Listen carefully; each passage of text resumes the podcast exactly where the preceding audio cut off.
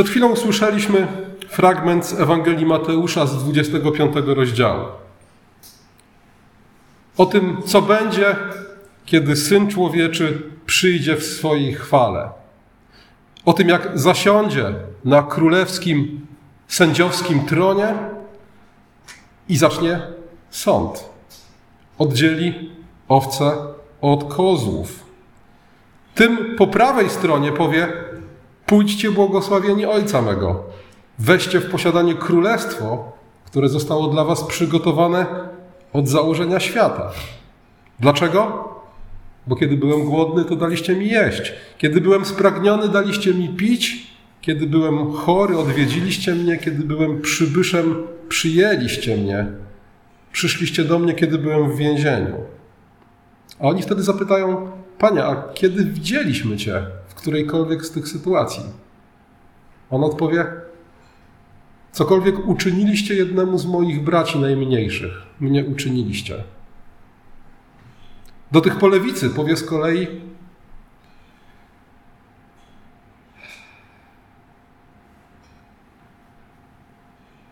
pójdźcie, idźcie w ogień piekielny. Dlaczego? Bo kiedy widzieliście mnie głodnym, nie nakarmiliście mnie. Kiedy widzieliście mnie spragnionym, nie napoiliście mnie. Nie odwiedziliście mnie, kiedy byłem chory i nie przyjęliście mnie, kiedy byłem w więzieniu.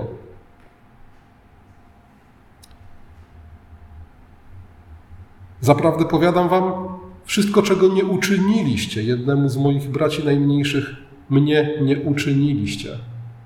I cały fragment kończy się deklaracją, że jedni, ci po prawej stronie, pójdą do życia wiecznego, a ci po lewej na mękę wieczną. Wysłuchaliśmy przed chwilą tych słów, a wysłuchawszy ich, zgodnie, wspólnie, słowami nicejskiego wyznania wiary, wyznaliśmy swoją wiarę w to, że pewnego dnia rzeczywiście Chrystus przyjdzie sądzić żywych i umarłych. Świadectwo Pisma jest w tej kwestii jasne i oczywiste. W Dziejach Apostolskich w 10 rozdziale 42 wersecie czytamy, że Bóg ustanowił Chrystusa sędzią żywych i umarłych. Dla każdego człowieka, którego stać na odrobinę refleksji nad samym sobą, powinna być to przerażająca perspektywa. Nadchodzi sąd, a sędzią jest ten, o którym apostoł Piotr w pierwszym swoim liście, w pierwszym rozdziale, 17 wersecie mówi: Ten, który bez względu na osoby sądzi według uczynków każdego. A więc niezależnie od tego, kim jesteś, każdy Twój czyn zostanie osądzony przez sprawiedliwego sędziego. Sędziego, który nie tylko jest sprawiedliwy, ale jest też święty, nienawidzi i nie może zaakceptować żadnego zła, grzechu, bo ono jest sprzeczne z jego naturą. A co więcej, jest też wszechmogący. Może uczynić z grzesznikiem cokolwiek zechce. I wszechwiedzący nic się przed nim nie ukryje. W Ewangelii Mateusza w 10 rozdziale, w 26 wersecie czytamy, że nie ma nic zakrytego, co nie miałoby być wyjawione, ani nic tajemnego, o czym nie miano by się dowiedzieć. A w tej samej Ewangelii Mateusza w 12 rozdziale, w 13 wersecie czytamy, że nie tylko z każdego naszego czynu, ale też z każdego bezużytecznego słowa, które wypowiemy, zdamy sprawę z dzień sądu, w dzień sądu. Gdybyśmy tę perspektywę traktowali poważnie, bylibyśmy przerażeni. Nadchodzi sąd. Sędzią jest sprawiedliwy Bóg, który sądzi w każdego według uczynków bez względu na osobę, który wie wszystko i przed którym nic nie jesteśmy w stanie ukryć. I nie tylko każdy czyn, ale też każde słowo i każda myśl są jawne dla tego, który będzie sądził. Takim człowiekiem, który bardzo poważnie traktował perspektywę sądu, był Marcin Luther. Kiedy czytamy jego biografię, widzimy, że miał wręcz obsesję na punkcie nadchodzącego sądu, związaną z przerażająco z przerażającą świadomością własnej grzeszności. Sam uważał siebie za najgorszego z grzeszników i lękał się sądu, który nadchodzi. Oczywiście próbował sobie z tym poradzić w taki sposób, jaki był dostępny. Przede wszystkim spowiedź. Starał się spowiadać bardzo często, niemal codziennie. Jego spowiedzi były wielogodzinne, ale ostatecznie nie dawały mu żadnej pociechy. Dlaczego? Bo żył w przekonaniu, że jeśli umrze w grzechu śmiertelnym, to i tak pójdzie do piekła. A przecież mógł zapomnieć o którymś ze swoich licznych grzechów podczas spowiedzi. Co więcej, może przecież się stać, że nie zdąży się wyspowiadać przed śmiercią. Albo jeszcze gorzej, że nie rozpozna grzechu. Bo przecież prawdziwi grzesznicy, a za takiego się uważał, często nie odczuwają wyrzutów sumienia i nie są w stanie grzechu nazwać grzechem. Wiele lat zmagał się z tą przerażającą wizją sądu i tym paraliżującym strachem przed nadchodzącym sądem. Jego przyjaciel, spowiednik i kierownik duchowy, von Staupitz, miał już go dość. Pewnego dnia powiedział, kiedy po raz kolejny, dzień w dzień, Luther przyszedł na kolejną wielogodzinną spowiedź, Staupitz wygonił go i powiedział: Chłopie, przyjdź kiedyś z czymś poważnym. Mieszkasz w klasztorze, masz niewiele możliwości do popełnienia prawdziwego grzechu. Tak naprawdę Luther spowiadał się głównie z tego, co działo się w jego głowie, z tego, co uznawał za grzeszne myśli, i często były to grzeszne myśli, aczkolwiek chyba już nie zawsze. Ształpic, który widział swojego przyjaciela zmagającego się z tym paraliżującym strachem przed nadchodzącym sądem, pomyślał, niech zacznie czytać Biblię. Sam Ształpic był biblistą, był profesorem. On kierował katedrą biblistyki na Uniwersytecie w Wittenberdze. Postanowił to miejsce odstąpić Lutrowi i tym sposobem zachęcić go, a w zasadzie nawet zmusić do tego, aby Luther zaczął czytać Biblię z nadzieją, że być może tam odnajdzie ukojenie, odnajdzie nadzieję. Luther miał mnóstwo powodów, dla których nie chciał się zgodzić na tę pracę. Jako ostateczny argument powiedział Ształpicowi, ta praca mnie nie zabije. Na co Ształpic odpowiedział, to dobrze, trafisz do nieba. I rzeczywiście Luther, począwszy od Księgi Psalmów i listu do Rzymian, zaczął w Słowie Bożym odkrywać inne oblicze Boga. Boga, który jest nie tylko sprawiedliwym i surowym sędzią, ale jest też, a może przede wszystkim, kochającym i miłosiernym Bogiem. Odkrył miłosiernego Boga, który przebacza. Odkrył, że tak, to prawda, zapłatą za grzech jest śmierć, ale, łas, ale darem łaski Bożej jest życie wieczne w Chrystusie. Odkrył ukrzyżowanego Chrystusa, w którym nadchodzący Boży Sąd zyskuje inny wymiar. Odkrył tego, który został osądzony i sprawiedliwie ukarany za nasze grzechy, po to, abyśmy my tej samej kary ponosić nie musieli. Jednym z jego ulubionych wyrażeń, którego później bardzo często używał w swoim nauczaniu, stała się fraza płaszcz sprawiedliwości. Fraza, która pochodzi z księgi Izajasza, z 61 rozdziału, z 10 wersetu, gdzie prorok mówi: Ogromnie się wesele w Panu. Dusza moja raduje się w Bogu moim, bo przyodział mnie w szaty zbawienia, okrył mnie płaszczem sprawiedliwości.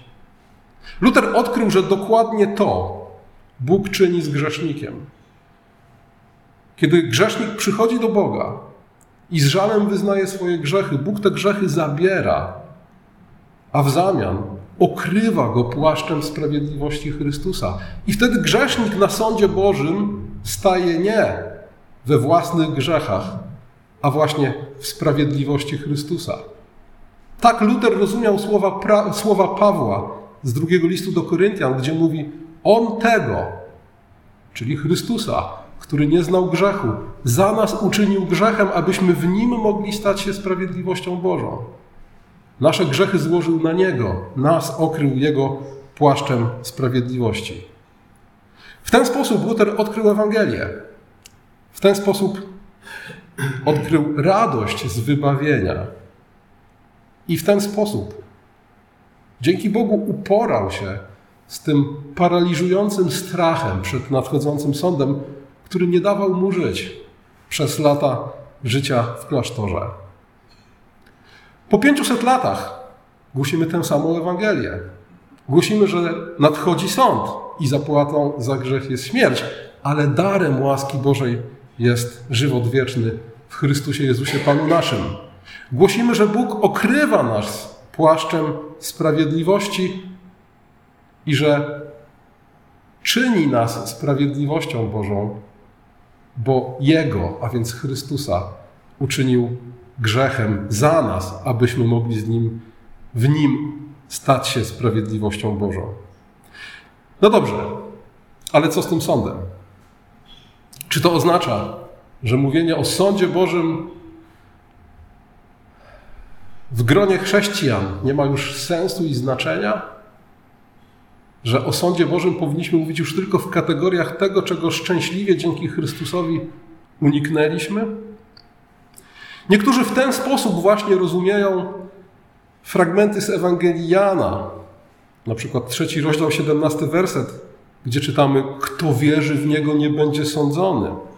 Albo czwarty rozdział, 24 werset, kto słucha słowa mego i wierzy w tego, który mnie posłał, ma życie wieczne i nie idzie na sąd, lecz ze śmierci przeszedł do życia.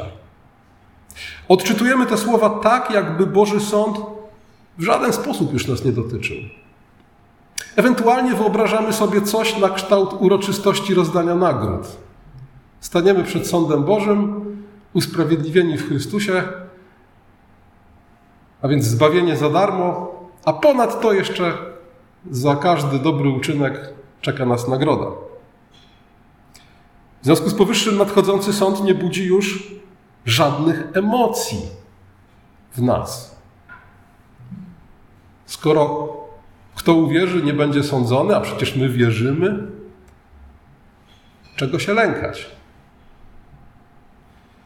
Wiara staje się w naszych oczach rodzajem immunitetu, który chroni nas przed sądem Bożym. Immunitet, jak zapewne wiecie, polega na tym, że człowieka, który taki immunitet posiada, w Polsce to jest parlamentarzysta, ale też sędzia, prokurator, a w pewnych sytuacjach nawet radca prawny. Nie można takiego człowieka aresztować, postawić mu zarzutów, postawić go przed sądem, bez uprzedniej zgody odpowiednio do tego powołanych organów. Takiego sędziego czy parlamentarzystę nawet mandatem drogowym od tak ukarać nie można. I oczywiście te immunitety zostały stworzone po to, aby stać się gwarancją pewnej niezależności niezbędnej do wykonywania urzędu. Ale niestety dla niektórych ludzi, którzy te urzędy piastują, stały się licencją na bezkarność. Przynajmniej w drobnych sprawach, takich jak wykroczenia drogowe. Problem polega na tym, że my często w taki sposób traktujemy wiarę jako rodzaj immunitetu przed sądem Bożym. Tak jak policjantowi, który nas, który zatrzymuje parlamentarzystę na drodze, ten może pokazać legitymację poselską. Tak nam się wydaje, że Bogu na sądzie pokażemy świadectwo tego, że przyjęliśmy Jezusa. A więc sąd w żaden sposób nas nie dotyczy. I jeśli w ten sposób traktujemy wiarę, jako immunitet na nadchodzącym sądzie, tak naprawdę zamieniamy Ewangelię Chrystusową na to, co Bonhoeffer nazywa tanią łaską. A więc łaskę rozumianą jako ogólna prawda o przebaczeniu grzechów. Jako nauczanie o odpuszczeniu grzechów bez żalu za grzechy i postanowienia poprawy. Jako łaskę bez pójścia za Chrystusem i bez krzyża.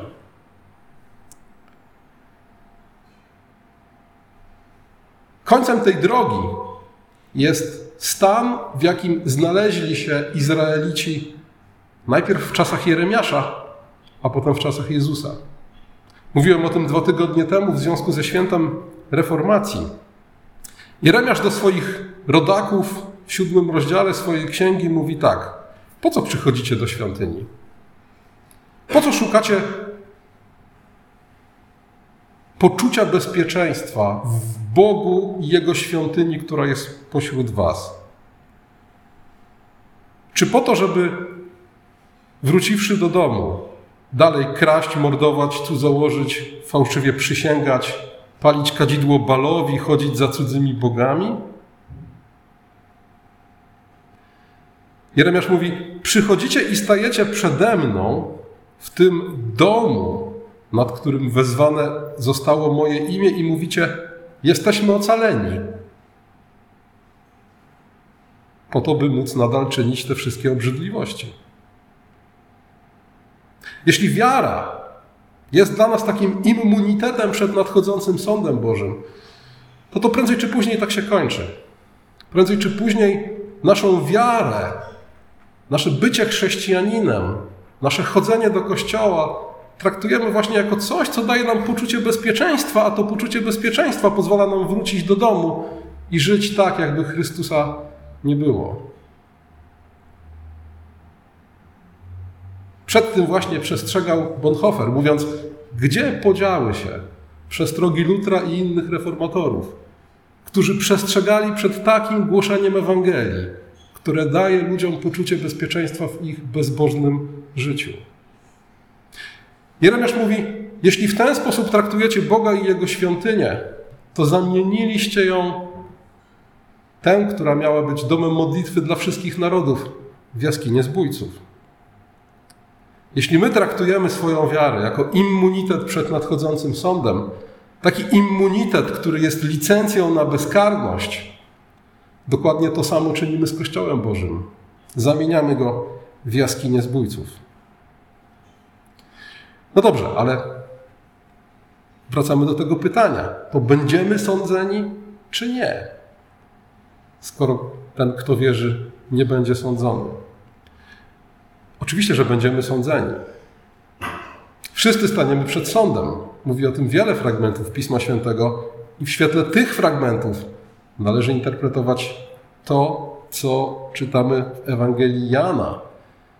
Bo w Ewangelii Jana nie chodzi o to, że nikt nie będzie nas nigdy sądził. W Ewangelii Jana chodzi o to, że przez wiarę w Chrystusa unikniemy potępienia. Jakub w drugim rozdziale, dwunastym wersecie mówi: Wszyscy staniemy przed sądem. W Księdze Objawienia w dwudziestym rozdziale, w trzynastym wersecie o dokonanym sądzie czytamy, że każdy został osądzony według swoich czynów.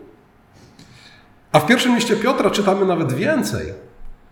Pierwszy list Piotra, czwarty rozdział, siedemnasty werset mówi o tym, że sąd rozpoczyna się od domu Bożego. Czas bowiem, aby sąd rozpoczął się od domu Bożego, pisze Piotr.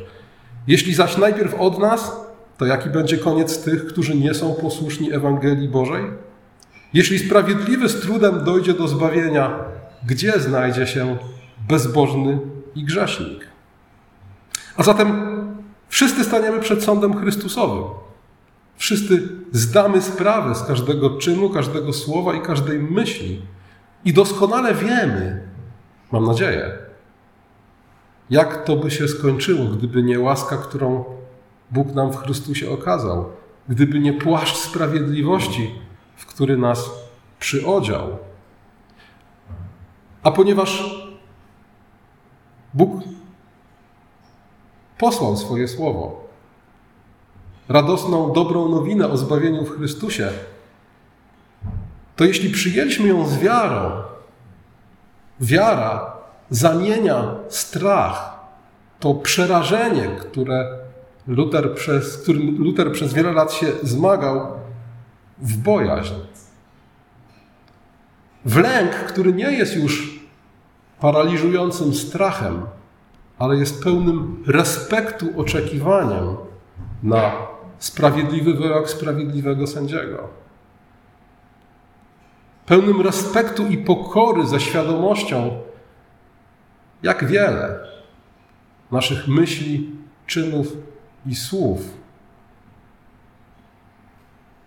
przyniesie nam, nie przyniesie nam chwały w dniu sądu przed obliczem sprawiedliwego sędziego. Wiara usuwa paraliżujący strach przed sądem, ale w to miejsce wiara budzi bojaźń przed dobrym, miłosiernym, ale jednak sprawiedliwym sędzią, przed którym każdy z nas musi stanąć.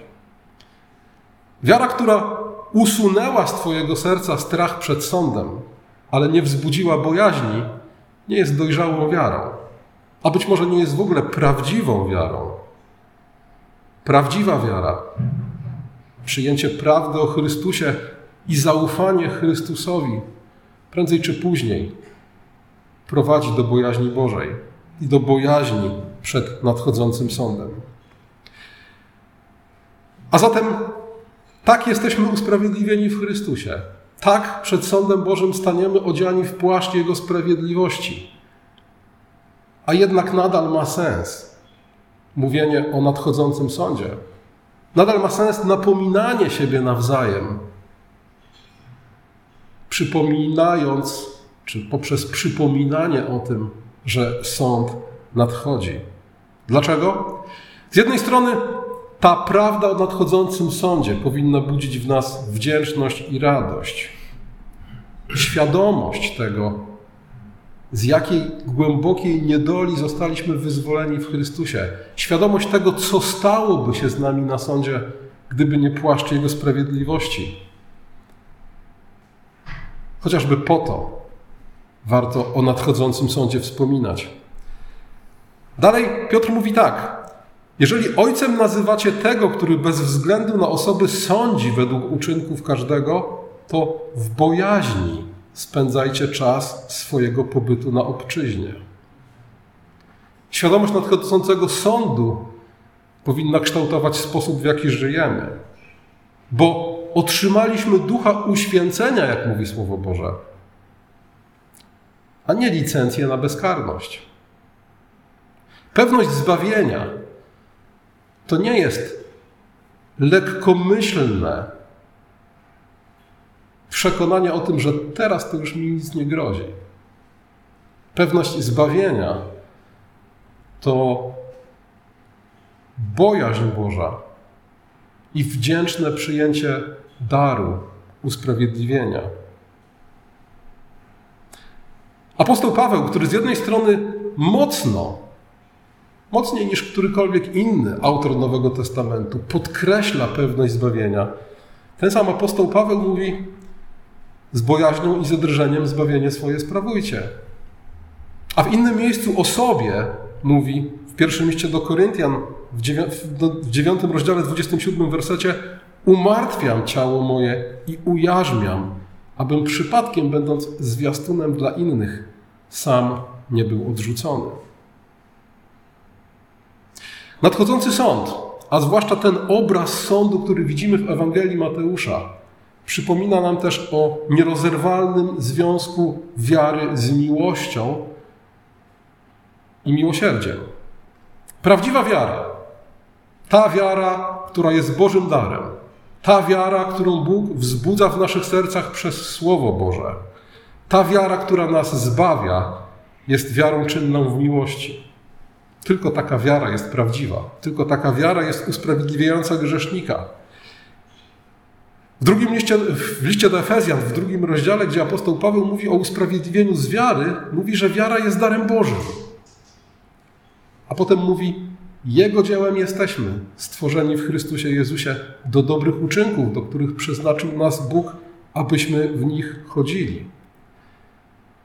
A więc jeśli jesteś zbawiony z łaski przez wiarę, to znaczy, że Bóg wzbudził Twoją wiarę w Twoim sercu poprzez swojego ducha, poprzez swoje słowo. Ale jeśli to uczynił, to pamiętaj, Bóg nigdy nie obdarza wiarą pozbawioną nadziei i miłości.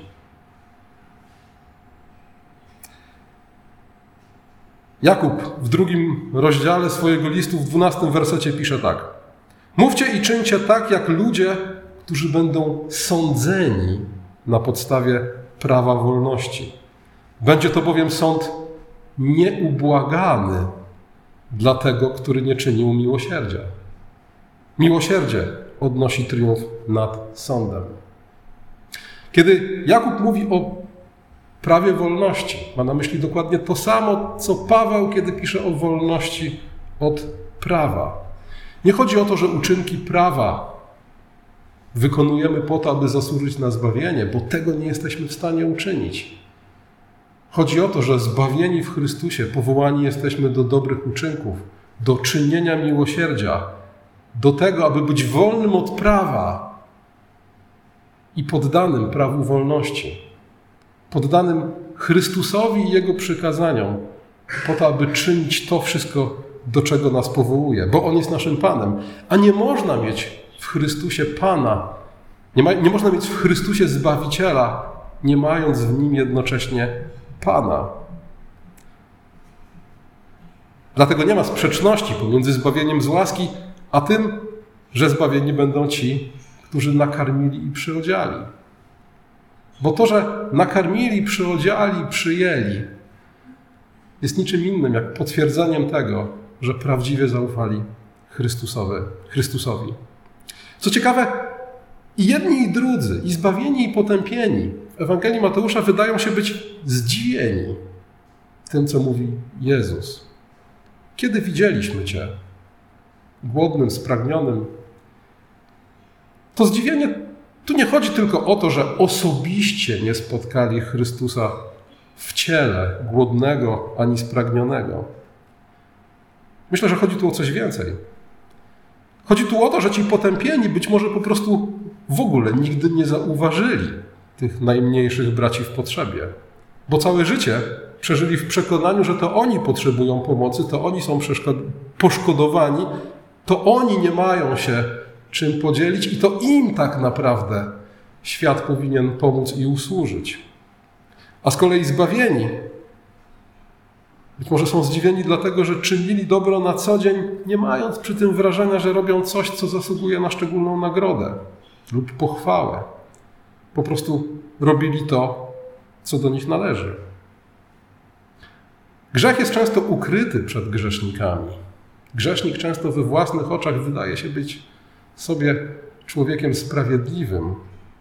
I tak samo uświęcenie jest ukryte przed świętymi. I tak często ci, którzy